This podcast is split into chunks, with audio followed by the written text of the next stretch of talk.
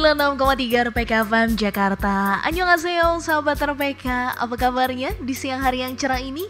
Semoga sahabat RPK Joy Cinggu di mana pun berada Tetap sehat, tetap semangat dan tetap stay tune di 96,3 RPK FM Dan tentunya kali ini setiap hari Sabtu mulai dari jam 2 sampai jam 4 sore, Poppy akan nemenin sahabat RPK dengan informasi dari Korea Selatan. Nah ini fresh banget ya sahabat RPK. Seperti di bagian yang pertama kali ini, Poppy nggak sendirian karena sudah ada teman-teman dari Drakor Class yang pada siang hari ini bergabung dari Skype.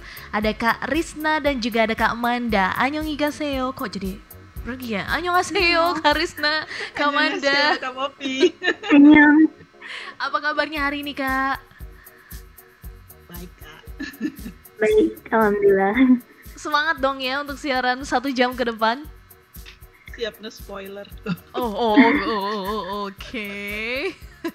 Dan ini aku kayaknya pertama kali ketemu Kamanda ya. Iya, iya, betul banget Kak Popi. Salam kenal by the way. Salam kenal Kamanda, semangat pastinya. Dan kali ini tadi Kak Risna udah siap-siap mau spoiler. Kalau gitu, informasiin dulu nih Kak ke teman-teman Joyo Cinggu. Kali ini tuh mau ngobrolin tentang drama apa sih? Boleh silakan. Eh, kita mau ngomongin from now on showtime. Yeay! Gitu dong. Oke, oke, oke. Nggak cocok ya? Mancing coba. Sound efeknya sound efeknya kurang ya kurang. Oke from now on showtime kita akan bahas nih.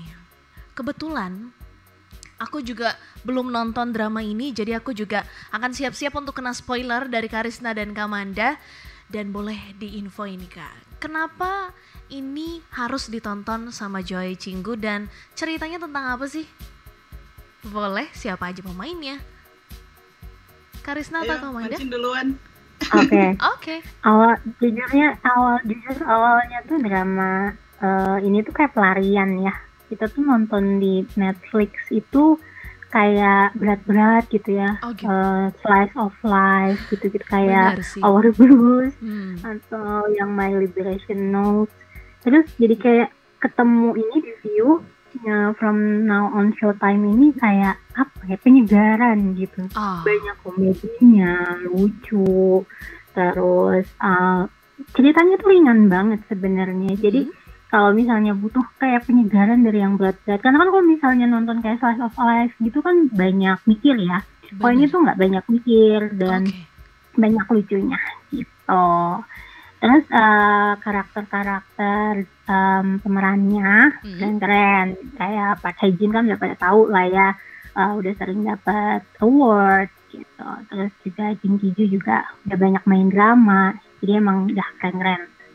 Gitu. Mungkin mau nambahin Karisna?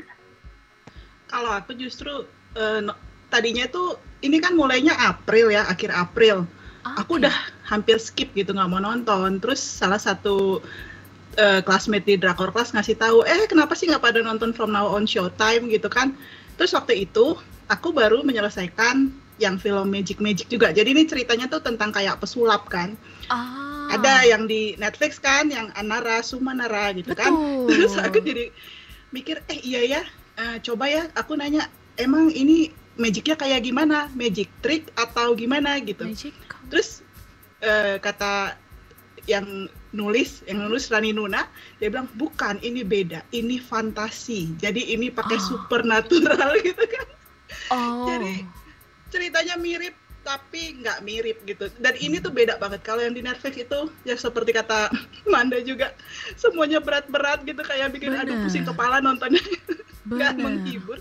Kalau yang ini tuh lebih kocak gitu. Jadi walaupun ini ceritanya magic dan eh, bukan magic trip ke keahlian ya, tapi lebih karena bantuan hantu. Oh, Oke. Tapi ini nggak nggak horor, nggak menyeramkan. Aku juga langsung gini, hah ada hantunya, serem nggak gitu? Karena kan biasanya kalau ada hantu pasti serem gitu kan? Enggak, Benar, ini nggak serem gitu.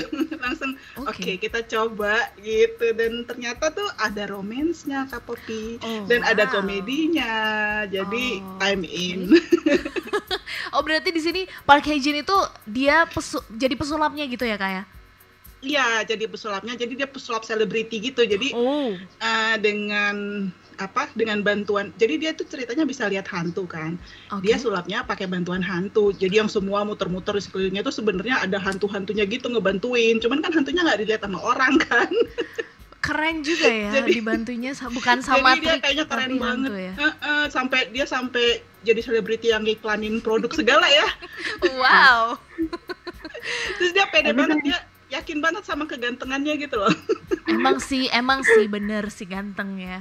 Oke, tadi kenapa Kamanda Kamanda mau ngobrol apa tadi? Iya, jadi kan eh, kalau misalnya kayak yang apa Sound of Magic itu lebih trik sulap ya, Iya benar-benar sih, sulap.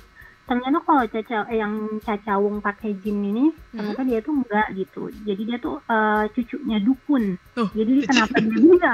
Dia Oh. bisa berinteraksi sama hantu ini karena dia adalah cucunya dukun yang bisa eh, ngobrol sama roh-roh, sama hantu. Jadi bisa lihat gitu. Nah, lucunya ini agak gimana ya sebenarnya agak di luar nalar tapi ya segala karena fantasi itu lucu banget. Jadi mereka Cacawung ini memper- mempekerjakan para hantu-hantu ini sebagai staff dia gitu. Yang bantuin ya tadi kak Risna Oke. cerita yang bantuin buat muter-muterin barang-barang. Kalau Mm-mm. misalnya uh, apa sih ada api-api itu ternyata dibantuin Astaga. sama hantu-hantu megangin api gitu. Jadi lucu banget emang sih divisualisasikannya. Juga benar kocak deh pokoknya. Kita tuh mikir kayaknya nggak mungkin deh kayak gitu. Tapi ternyata ya bantuannya itu ya karena si hantu-hantu itu gitu. Nah yang bikin gemesnya lagi tuh eh, orangnya bener kata Karisna tadi kan eh, narsis banget yang pede banget dia tuh ganteng banget. Tapi Oh. semenjak ketemu si uh, Kosul Hei ini si pemeran utama perempuannya ini dia tuh jadi berubah mulai apa sedikit demi sedikit tuh berubah sifatnya. Jadi seru sih romantisnya tuh dapet juga gitu. Walaupun komedinya emang lebih banyak sih banyak banyak mikik-mikiknya deh se- sepanjang nonton ini tuh seru Dan Pokoknya stres banget Kak Popi dari tadinya udah mulai apa gara-gara bawaan Netflix kitanya low gitu ya. yes, Pas nonton ini empat episode lewat sebentar gitu loh. itu setiap episodenya durasinya berapa lama kak? Satu jam juga sama seperti drama-drama lainnya? Satu jam karena kan aku nontonnya udah agak telat kan. Waktu aku Ah, nonton tuh udah 8 episode waktu itu. Jadilah Jadi langsung dikebut Maraton. gitu ya? Oke. Iya, iya karena lucu, kita tuh nggak bisa berhenti kayak eh, eh lucu, eh lucu gitu. Eh lucu itu tiba-tiba ada yang kelewat tuh kan di dapur. Enggak sih. Oh enggak. Sama ada romansnya itu loh yang Oke. bikin kita penasaran ya, Manda ya. Iya, soalnya tuh munculnya tuh sedikit demi sedikit kak, nggak nggak kayak yang apa sih? Jadi kita tuh sampai nggak sadar loh, mereka ternyata udah mulai suka-sukaan nih Oh. gitu. Dikira, dikiranya kan kalau misalnya roman uh, drakor romance lain tuh biasanya kan jelas gitu ya. Ya ini nih bakal suka nih, bakal Hmm. suka. Ini tuh enggak, jadi kayak tarik ulur loh. Kayaknya mereka belum suka nih, belum suka nih. Jadi tuh emang Mulainya musuhan bahkan. Iya, awalnya musuhan biasa lah ya kan kalau misalnya drakor tuh ada musuhan-musuhannya dulu. Nah, kalau ini tuh eh, mulai perasaannya itu divisualisasikannya bener-bener smooth gitu. Tiba-tiba eh ternyata aku suka sama dia gitu ya. Kita ikut ketawa-tawa nontonnya ya. Iya. Dan ikut tersipu-sipu ya. Aduh, luar biasa. Jadi emang udah harus dan wajib nih sahabat RPK ini jadi salah satu drama yang direkomendasikan oleh Kak Risna dan juga Kak Manda dan teman-teman dari Drakor Class Sabtu Minggu belum ada eh, jadwal belum ada sesuatu yang mungkin men- menarik waktu sahabat RPK drama From Now on Showtime sahabat RPK boleh nonton karena ini udah tayang berapa episode nih Kak sampai saat ini 14. Udah mau tamat. Ya, Udah mau 14, tamat. besok 15, Senin 16. Jadi Ya. udah mau tamat. Oke. Jadi kami nggak akan spoiler sampai habis hari ini Kak Popi. Karena Oke. belum habis. endingnya belum kelihatan ya. Jadi masih aman lah ya. Oke. Dan aja. Aman. Itu masih di awal-awalnya sahabat RPK. Perkenalan dengan drama From Now on Showtime. Nanti kita akan bahas lebih dalam lagi. Kita lanjutin lagi kali ini Johai Show yang ngobrolin tentang drama terbaru. Sudah tayang dari bulan April, udah nggak baru-baru banget. Dan kali ini udah mau masuk ke dua episode akhir drama From Now on Showtime bareng Kak Manda dan juga Kak Risna dari Drakor Class. Kita lanjutin lagi kali ini. Kita tadi udah bahas tuh gimana sinopsis dari drama ini. Nah, Kalau boleh tahu nih kak, ekspektasi dari Karisna dan Kamanda sama drama ini tuh apa sih? Apa memang cuma cari komedinya aja di sela-sela drama yang menyakitkan itu? Siapa dulu nih? Wow. Karisna dulu. aku aku tuh nonton sebenarnya belum pernah nonton Park Hae Jin. Ini tuh pertama kali kayaknya aku nonton Park Hae Jin. Hah? Tapi kalau Jin Ki Jo, aku udah nonton dia di eh, Come and Hug Me waktu itu bareng sama Je- eh, siapa namanya Jang Ki Yong. Jang Kyung. Oh, Aha, dengan satu lagi dia main di Secret Life of My Secretary dan itu tuh perannya beda banget di situ. Di Hmm. satu dia tuh yang nangis-nangis mulu gitu. Oh. Kalau di yang satunya lagi dia sekretaris yang apa ya kayak model Betty Lavea gitu. Kak Popi ngerti nggak kalau bilang ngerti gitu? ngerti ngerti. yang jelek. Terus nanti tiba-tiba dia jadi cantik gitu di belakang dan bosnya itu eh, itu kalau di Secret Life of My Secretary itu bosnya ada masalah eh, nggak bisa mengenali orang gitu. Apa yang blind Oh, face gitu. Oke. Nah, jadi aku pengen lihat Jin Ki Jo ini Hmm? Gimana ya bakalan di From Now On Showtime selain tadi ya yang dengan mencari hiburan Oke. dan dan ternyata di di From Now On Showtime ini dia tuh gimana ya? Dia tuh kan perannya jadi polisi, awalnya polisi, dia cita-cita jadi detektif Mhm. gitu ya. Terus eh apa ya? Badass ya istilahnya ya kalau yang Oh. pokoknya dia tuh polisi yang menegakkan kebenaran dan keadilan gitu deh. Dan eh, selain itu dia baik hati gitu. Jadi jadi aku sih memang berharap ini cerita nggak rumit-rumit serumit yang lain gitu ya. Mhm. tapi juga ada bagian yang eh, bagaimana si ibu polisi ini membuat Pak selebriti pesul- pesulap selebriti jadi yang tadinya sangat selfish gitu jadi apa ya malah jadi mau mendonasikan sebagian besar hartanya gitu ke orang-orang yang membutuhkan gitu. Ini pertamanya Jin Ki Jo bisa ketemu sama Park Hae Jin dalam drama ini tuh gimana ceritanya kak? eh waktu kalau dalam ceritanya sih awalnya si Jin Kijo-nya lagi ngejar orang jahat gitu. Terus si Park Oke. Seo-joon-nya lagi show kan. Terus dia kayak menginterrupt Ah. show.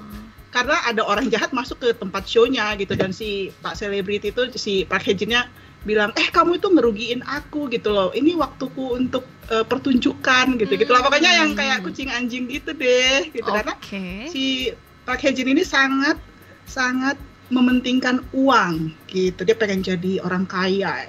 Padahal udah kaya ya ceritanya. Rumahnya besar.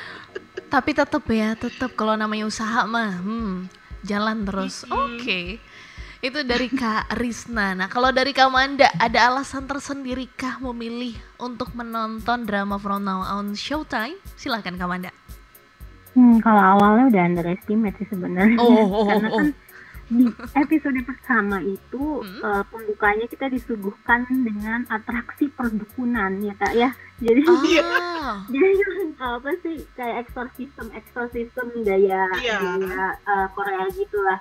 Jadi aduh Mm-mm. ini kok feel apa dramanya kok dukun banget gitu kan Oke. kurang ini juga ya kurang suka juga yang kayak gitu tapi ya pas dicobain lagi episode demi episode ternyata setelah perdukunan itu ceritain kakeknya itu dulu lalu cerita tentang Caca Wong itu ternyata tentang magician. Pakai gitu jadi magician. Hmm. nah kenapa dia jadi magician? Ternyata karena ada ini boleh kan ya? Eh, apa? Spoiler ini. Boleh, Lanjut. jadi yang terkenal yang banyak uang itu karena sebelumnya itu kakeknya itu di apa ya eh dibully lah sama seantero Korea ini gara-gara dibilang eh, difitnah. Jadi eh, pembun bukan pembunuh sih. Jadi yang ngerecokin eh, sebuah eh, investigasi sampai akhirnya seorang polisi terbunuh kayak gitu. Jadi dibilang dukun palsu lah apa segala macam.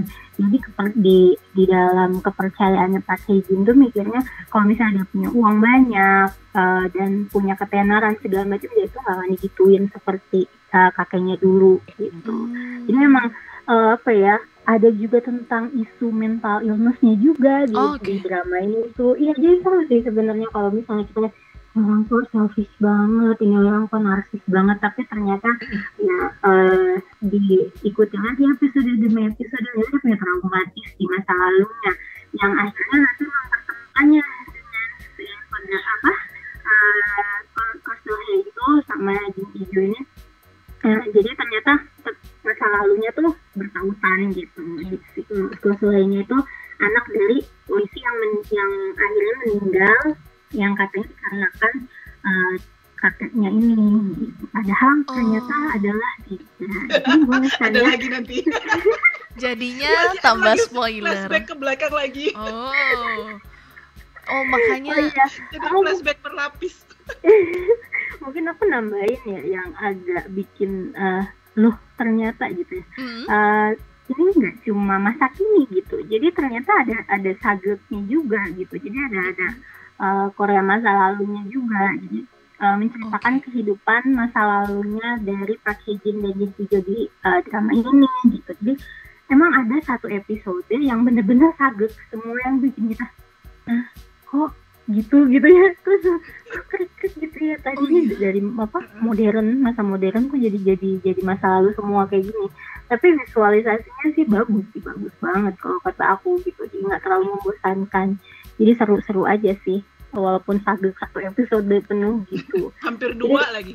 iya hampir dua oh ya setelahnya ada lagi ya. Nah itu tuh uh, dari eks, dari ekspektasi yang udah underestimate jadi hmm uh, puas lah sampai episode 14 main suka sih suka banget malah jadi uh, terpuaskan bagian, ekspektasinya. Bagian awal itu aku sempet gini, aku udah nonton depannya waktu baru rilis, ngelihat bagian yang kata Manda itu loh yang exorcism gitu kayak itu tuh aku tuh males banget nonton drama-drama kayak gitu gitu, drama hantu, exorcism, drama sejarah itu biasanya aku skip gitu. Tapi ya itu karena ada tulisan, karena ada classmate drakor kelas yang nulis, terus dia meyakinkan bahwa enggak Karisna ini tuh bagus gitu. Oke. Okay. Okay. Aku give it a try. Jadi ternyata memang benar gitu. Jadi ya untung lah. Aku sampai tadinya tuh aku ngajakin biar dia siaran juga, cuman ya karena bekerja nggak bisa. Aku bilang ayo kamu bertanggung jawab. Gitu. Udah ngeracunin ya, tapi ternyata nggak iya. bisa. Oke. Okay. Jadi sahabat RPK udah dengar kan racun dari Karisna dan juga Kamanda ini tuh bener-bener oke okay, punya karena tadi seperti yang Kamanda udah jelaskan banyak banget variasinya dari satu drama aja gitu ya nggak bakal bikin bosen hmm. dan ternyata banyak juga nanti hal-hal menarik yang pastinya jadi salah satu orang yang belum pernah nonton drama Park Hae Jin tuh kak dulu kan sempat heboh yang Cheese in the Trap kayaknya dia main juga ya di situ yeah. ya Lee Sung Kyung yeah. aku nggak sempat nonton itu karena udah ke bawah drama yang lain ini Tidak jadi akan kamu nonton sih itu itu harus nonton ya kak?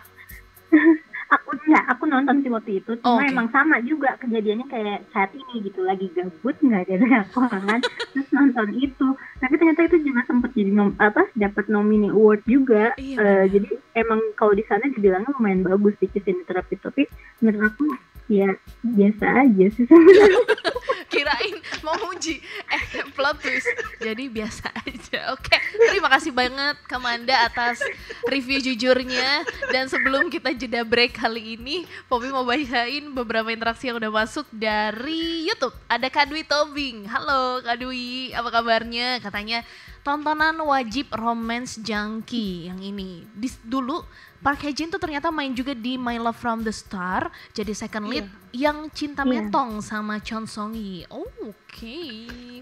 Terima kasih banyak Kak Dwi Tobing dan juga kita nanti akan ngobrol lagi apa serunya dari drama From Now On Showtime? Padahal tadi udah seru banget kita obrolin tapi masih ada yang seru sahabat RPK kita lanjut lagi kali ini di Johai Show bagian yang pertama. Masih bareng Poppy Natama di sini dan juga dari sambungan Skype ada Kak Manda dan juga Kak Rizna ngobrolin tentang drama From Now On Showtime yang kali ini sedang tayang sahabat RPK dan kalau mau baru nonton dari sekarang juga nggak apa-apa it's okay. Meskipun sahabat RPK teman yang non ongoing ini boleh sahabat RPK nantikan karena untuk minggu ini ya kak. Dua episode terakhir tayang ya? Ya Oke, okay. nah kita lanjutin lagi nih kali ini ngobrolin tentang premis cerita dari From Now On Showtime ujungnya akan seperti apa sih kak? ujungnya langsung nih. Ini kalau aku lihat kan awalnya itu gimana si uh, Caca Wung pesulap itu pengen uh, tadinya nggak mau jadi dukun meneruskan kerjaan kakeknya. Jadi kalau dari ceritanya itu mereka tuh ada kayak tugas ke, apa gimana mengemban tugas yang diturunkan untuk aduh aku agak susah menjelaskannya masalah si jenderal itu loh untuk um. melewatkan mereka surfing satu spirit gitu gimana mana bisa jelasin nggak? apa um, uh, si keluarga keluarga Ca ini keluarga Ca Cawung ini kan dimulai itu dulu awalnya dia uh, kayak apa ya kayak melayani seorang roh gitu nah roh jenderal ini itu turun temurun di kayak diasuh gitu ya sama sama keluarga Cacawung ini dari mulai uh, nah kakeknya dari sebelumnya juga gitu udah 2000 tahun lah turun men, turun temurun untuk uh, melayani si uh, roh jenderal ini gitu. Nah saat uh, kakeknya meninggal dunia itu uh, si roh ini akan diwariskan istilahnya gitu ya diwariskan mm, diwariskan kok roh sih gitu. Tapi ya itulah. Keren apa, ya warisannya. Jadi kayak ya tuntutan tuntutan keluarga gitu, tuntutan okay. uh, keturunan gitu. Kalau orang lain uh, mewariskan perusahaan kalau ini mewariskannya roh gitu oh, luar biasa. Jadi dukun. Tapi ini rohnya itu kan juga jadi aset sekarang ya kak? Iya. Yeah. jadi nggak sedih-sedih amat lah ya Iya, karena emang si rohnya ini banyak uh, bisanya gitu ya. Jadi kayak seperti melindungi uh, setiap yang lagi, misalnya kayak uh, waktu zaman kakeknya Cacawung, ya dia melindungi kakeknya gitu dan bisa jadi banyak hal gitu. Jadi seperti media untuk para uh, roh halus untuk uh, untuk bisa berbicara ke dunia itu melalui dukun-dukun ini dukun-dukun yang uh, darahnya keluarga Ca ini. Sementara Ca Caung tuh kan memang pengennya kaya aja ya. Dia tuh pengen aja. aja banyak gitu. Okay. Uh, dia gak mau jadi dukun. Gak butuh yang gitu gitu ya. Gak, gak butuh warisan roh tuh gak butuh oh, gitu okay. ya. Butuhnya uh, duit yang banyak aja gitu ya. Uh, jadinya si awalnya nggak mau gitu ya, mm -hmm. tapi akhirnya uh, diterima juga dengan berbagai macam catatan. Dan awalnya itu si Roh ini bahkan juga ikut di dalam tim gitu. Jadi sama-sama membantu. Ya jadi anak buahnya juga gitu yang membantu show-nya dan cabut gitu. Padahal ini udah kekuasaannya udah besar banget gitu ya. Kalau misalnya tempat tidurnya si para hantu ini cuma kayak papan arwah kecil-kecil nah hmm. dia tuh lukisan besar gitu yang roh kuat lah gitu nah tapi ya sama cewek tuh di istilahnya dibully gitu ya jadi uh, jadi bawahannya juga akhirnya gitu terus apa kak ya itu kan misinya si Caca Wung itu misinya keluarga Cha itu adalah sebenarnya membantu supaya si si jenderal yang udah 2000 tahun itu oh, iya. kayak passing to the next life gitu loh. Hmm. Kayak apa sih kepercayaannya mereka kan uh, harusnya apa istilahnya itu afterlife-nya itu ke nirwana ya istilahnya. lah ya ke nirwana kalau misalnya iya. bahasanya tuh. Dan iya. ternyata ya. selama ini kan si kakeknya melayani si spirit itu mikirnya harus ini harus itu gitu. Ternyata kuncinya malahan ada di si bu polisi si Kosuhe. Oh kalau Bu Polisi cuman berterima kasih aja sama Cacawung, itu tuh bisa kayak mempercepat misinya berhasil gitu. Jadi dia tuh nggak perlu jadi dukun. Gitu. Jadi, jadi jenderal ini punya kipas ya kak ya? Iya punya kipas, kipas. indikator. kipas indikator. Kalau semua indikator sudah penuh, dia akan pergi gitu. Oh oke, okay. jadi misi besarnya itu sebenarnya ya kak ya? Ya, misi besarnya itu. Dan udah tapi tapi ya sebenarnya udah hampir penuh. Hmm? Tapi ternyata kan kalau misalkan tugas selesai, Cawung, Cacawung nggak akan bisa lihat hantu lagi. Dan dia nggak akan bisa showtime lagi dong gitu. Jadi sekarang ini lagi apa yang harus dilakukan? Wah, oke. Okay dilema jadi bener sih aku juga dengarnya udah langsung gimana tuh ceritanya Nah Kalau itu nggak bisa lihat hantu kan nggak bisa kan? bener. Padahal dia kan penuh dengan Iya. Tipu daya. itu Mata pencahariannya di situ justru. Iya. Kalau misalnya diambil, gimana dong? itu masih belum terjawab di episode ke-14 berarti ya kak? Belum. Ham ya itu kipasnya sudah hampir penuh. Hmm? Jadi yang mereka lakukan sekarang adalah mencegah Oh. Kosulhe berterima kasih kepada Caca Wung. Oh oke justru hmm, padahal itu Nggak boleh. jadi harus ditunggu-tunggu itu ya dan sahabat RPK Iya. itu pastinya nanti ada di episode ke 15 16 nanti ya 15 sama 16. dan Sama ada ada cerita menarik lainnya sih Kak Popi apa yang apa tuh kak? yang interaksi anak buahnya yang hantu-hantu ini tuh Hah? sebenarnya kalau walaupun digambarkan Caca itu orangnya egois ya, tapi anak buahnya itu ya kan ceritanya mereka hantu kan nggak butuh duit ya. Tapi sebenarnya dia ngebayar dalam arti dia memberikan uang ke keluarga yang ditinggalkan gitu loh. Ah, Oke. Jadi dia sebenarnya ngebantu gitu, tapi dia nggak sadar sebenarnya dia orang baik. Cuman dia ngerasanya, ah aku pokoknya ngumpulin duit buat diriku sendiri. Berapa sih ngebayar tiga orang doang gitu kayaknya. Tapi kalau aku lihat dia sebenarnya orang baik. Cuman dia kesel gitu ngelihat kakeknya yang tadinya baik diperlakukan nggak adil sama masyarakat gitu. Hmm. Makanya dia jadi kayak selfish gitu. Pasti ada yang kayak gitu tuh ya kak. Yang baik-baiknya tuh kadang disembunyiin dulu di belakang-belakang, baru nanti di reveal satu-satu. Oke. Jadi nggak salah nih kalau sahabat RPK nantinya setelah nonton drama ini jadi terhejin-hejin gitu ya karena emang tuh di sini dia ternyata ada bagian-bagian soft boy-nya ternyata. Iya. Dan soft boy banget ya. dan kalau mau dilanjutin lagi chemistry antara Park Hae Jin dan juga Jin Ki Jo di sini menurut Kak Risna dan Kamanda gimana Kak?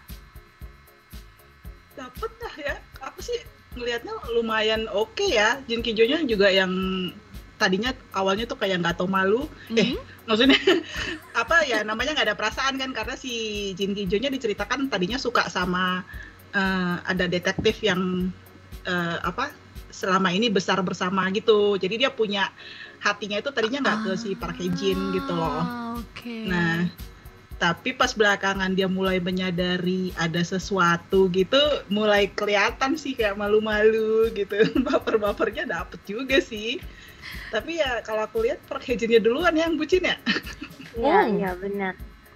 Ya kelihatannya smooth gitu ya kalau misalnya lihat eh, apa perubahan dari eh, nggak suka sampai akhirnya jadi itu emang apa sih lembut banget gitu. Jadinya eh, dari yang tadinya jutek Hmm. banget nggak suka terus tiba-tiba yang aduh itu bukan soft boy lagi deh kenapa dia ngirimin video Aku pengen nangis video bucin jelas gitu setiap hari itu kan aduh aneh banget Oke. tapi ya udah kalau menurut aku sih emang apa ya kualitas actingnya juga bagus sih ya. Jadi yang saat perannya memang harus komedi ya komedi Hmm. banget gitu. Tapi di saat ada romantiknya dapat. Jadi memang uh, bagus sih uh, chemistry-nya juga. Oke mereka waktu berdua mereka cerita flashback eh flashback jadi flashback yang ke zaman yang kayak cerita sadetnya juga dapet banget loh Itu Kan di situ jadi ya cerita romance episode mereka dua juga ada tuh Kak. ada yang hampir satu hampir dua episode itu. Itu tuh kayaknya aja membosankan tapi itu penting. Itu kunci dari cerita termasuk cerita si jenderal yang 2000 tahun Oh. cerita cerita keseluruhan yang ada misterinya. Itu tuh di situ kuncinya. Jadi walaupun aku yang tidak penonton sagek merasa aduh kenapa sih ini kok sagek banget? gitu ya. Mm-mm. ya nggak apa-apa sih. Itu bonus gitu loh dan di situ tuh Park Hae Jinnya jadi yang rambut panjang Wow. matanya tuh sempet biru gitu Oh, matanya biru ya mm, mm, makin makin ya Ajus yang satu ini ya. di situ langsung eh kok gitu. Oh pokoknya Langsung visual beda mah ya. visual mah udah nggak usah ditanyain ya sahabat RPK. Jadi nggak usah pikir 10 kali langsung aja deh. Sekarang ada waktu pastinya setelah Joy Show ya sahabat RPK boleh Iya. nonton From Now On Showtime. Lanjut lagi nih kak. Kalau boleh tahu nih ya, ini pertanyaan yang aku pengen banget tahu jawabannya. Di drama ini totalnya ada berapa hantu yang ngebantuin Park Hae Jin, Kak? Ada tiga ya. Empat dong sama jenderal. Oh ya, sama jenderal ada empat. Sama jen, uh, kan dia roh, roh nggak hantu Oh, gimana? udah hantu ya. Masuk. Oh iya Ya dibedain ya. tiga, tiga hantu, satu roh. Krisis identitas nih jenderalnya. Oke, totalnya ada empat eh eh, apa bilangnya ya? Ada empat Makhluk karya ka- karya kasat mata yang ada di Iya. sini. Oke, dan mereka empat empatnya ini langsung ngebantu Park Hae Jin di sini jadi siapa ya kak? Caca Wung ya, Caca Wung di Caca setiap Wung. harinya gitu ya. Iya, setiap pertunjukan ya. Hmm, oke. Nah, Iklan. Kalau eh, apa sih? Ada tiga itu yang utama itu kan. eh, pertama tuh si yang paling keren kalau kataku tuh Kang Arem. Dia tuh perem- eh, hantu perempuan Iya. yang meninggal karena kebanyakan belajar. Ya kak ya. Kebanyakan belajar. Jadi yang itu tuh. jadi dia tuh pinter banget jadi dia bisa eh pasti dia jadi hantu eh, karena pin- eh, terlalu banyak belajar gitu terus saat dia jadi hantu tuh dia banyak menemukan hal-hal eh, yang menurut aku agak aneh tapinya Hmm. memang di situ ada gitu ya seperti speaker yang bisa eh, mentranslate bahasa hantu untuk didengar oleh manusia gitu kan itu bagaimana ya gitu kalau misalnya ada Ada ya? juga Ceritanya dia pinter banget Kak Poppy emang Oh, suka main game, main komputer. Jadi tuh hantu-hantunya tuh punya akses ke teknologi gitu loh. Oke. Hantu yang sangat futuristik sepertinya. Oke. Iya. Dan lucunya lucunya tuh gini kan jadi setiap hantu itu punya gaji kan ya. Nah gajinya Oke. Kang Aram ini diperuntukkan untuk top up game. Yo.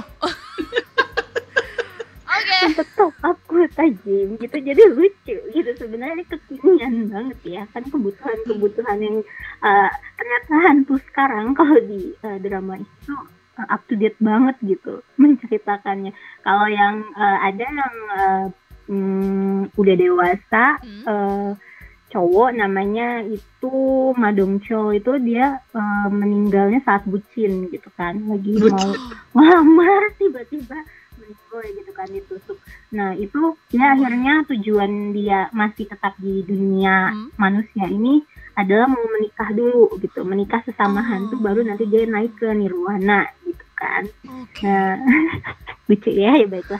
Nah, terus oh yang satu lagi yang namanya Nam Sanggun itu eh, udah eh, parubaya lah ya. Hmm. Nah dia tuh nggak mau naik ke Nirwana dulu karena dia mau ngeliatin keluarganya dulu. Yang tadi Karisna bilang eh, dikasih uang sama Caca Oh, Wung itu. Nah itu tuh buat keluarganya dia buat survive gitu karena dia kepala keluarga lalu Hmm. ditinggalkan eh, apa meninggalkan keluarganya saat meninggal gitu. Hmm. Jadi memang masing-masing pegawainya ini punya punya tujuan gitu. Kenapa dia tetap dunia manusia yang menurut aku up to date banget alasan-alasannya gitu.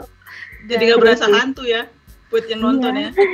Serem sih sebenarnya. Ada cuma Iya. satu do- satu doang ya kak ya yang Ada ada hantu, se- ada darahnya sekian gitu. menit hantu yang seremnya. Hmm. Oh, Oke. Tapi sisanya enggak. Karena di sini hantunya masih eh, dibilang bergayanya dibuat seperti manusia pada umumnya gitu ya. Lah, emang tahu Iya. bentuk hantu gimana? Ada-ada aja emang. Namanya fantasi Kak Poppy. Yes. Dan kali ini aku mau dengar nih salah satu hal yang sudah dinanti-nantikan juga banyak Joy Cinggu mau tanya nih harapan ending kalau dari Karisna seperti apa untuk drama ini silakan kak Harapan endingnya sih udah pastilah happy ending. Tapi yang hmm.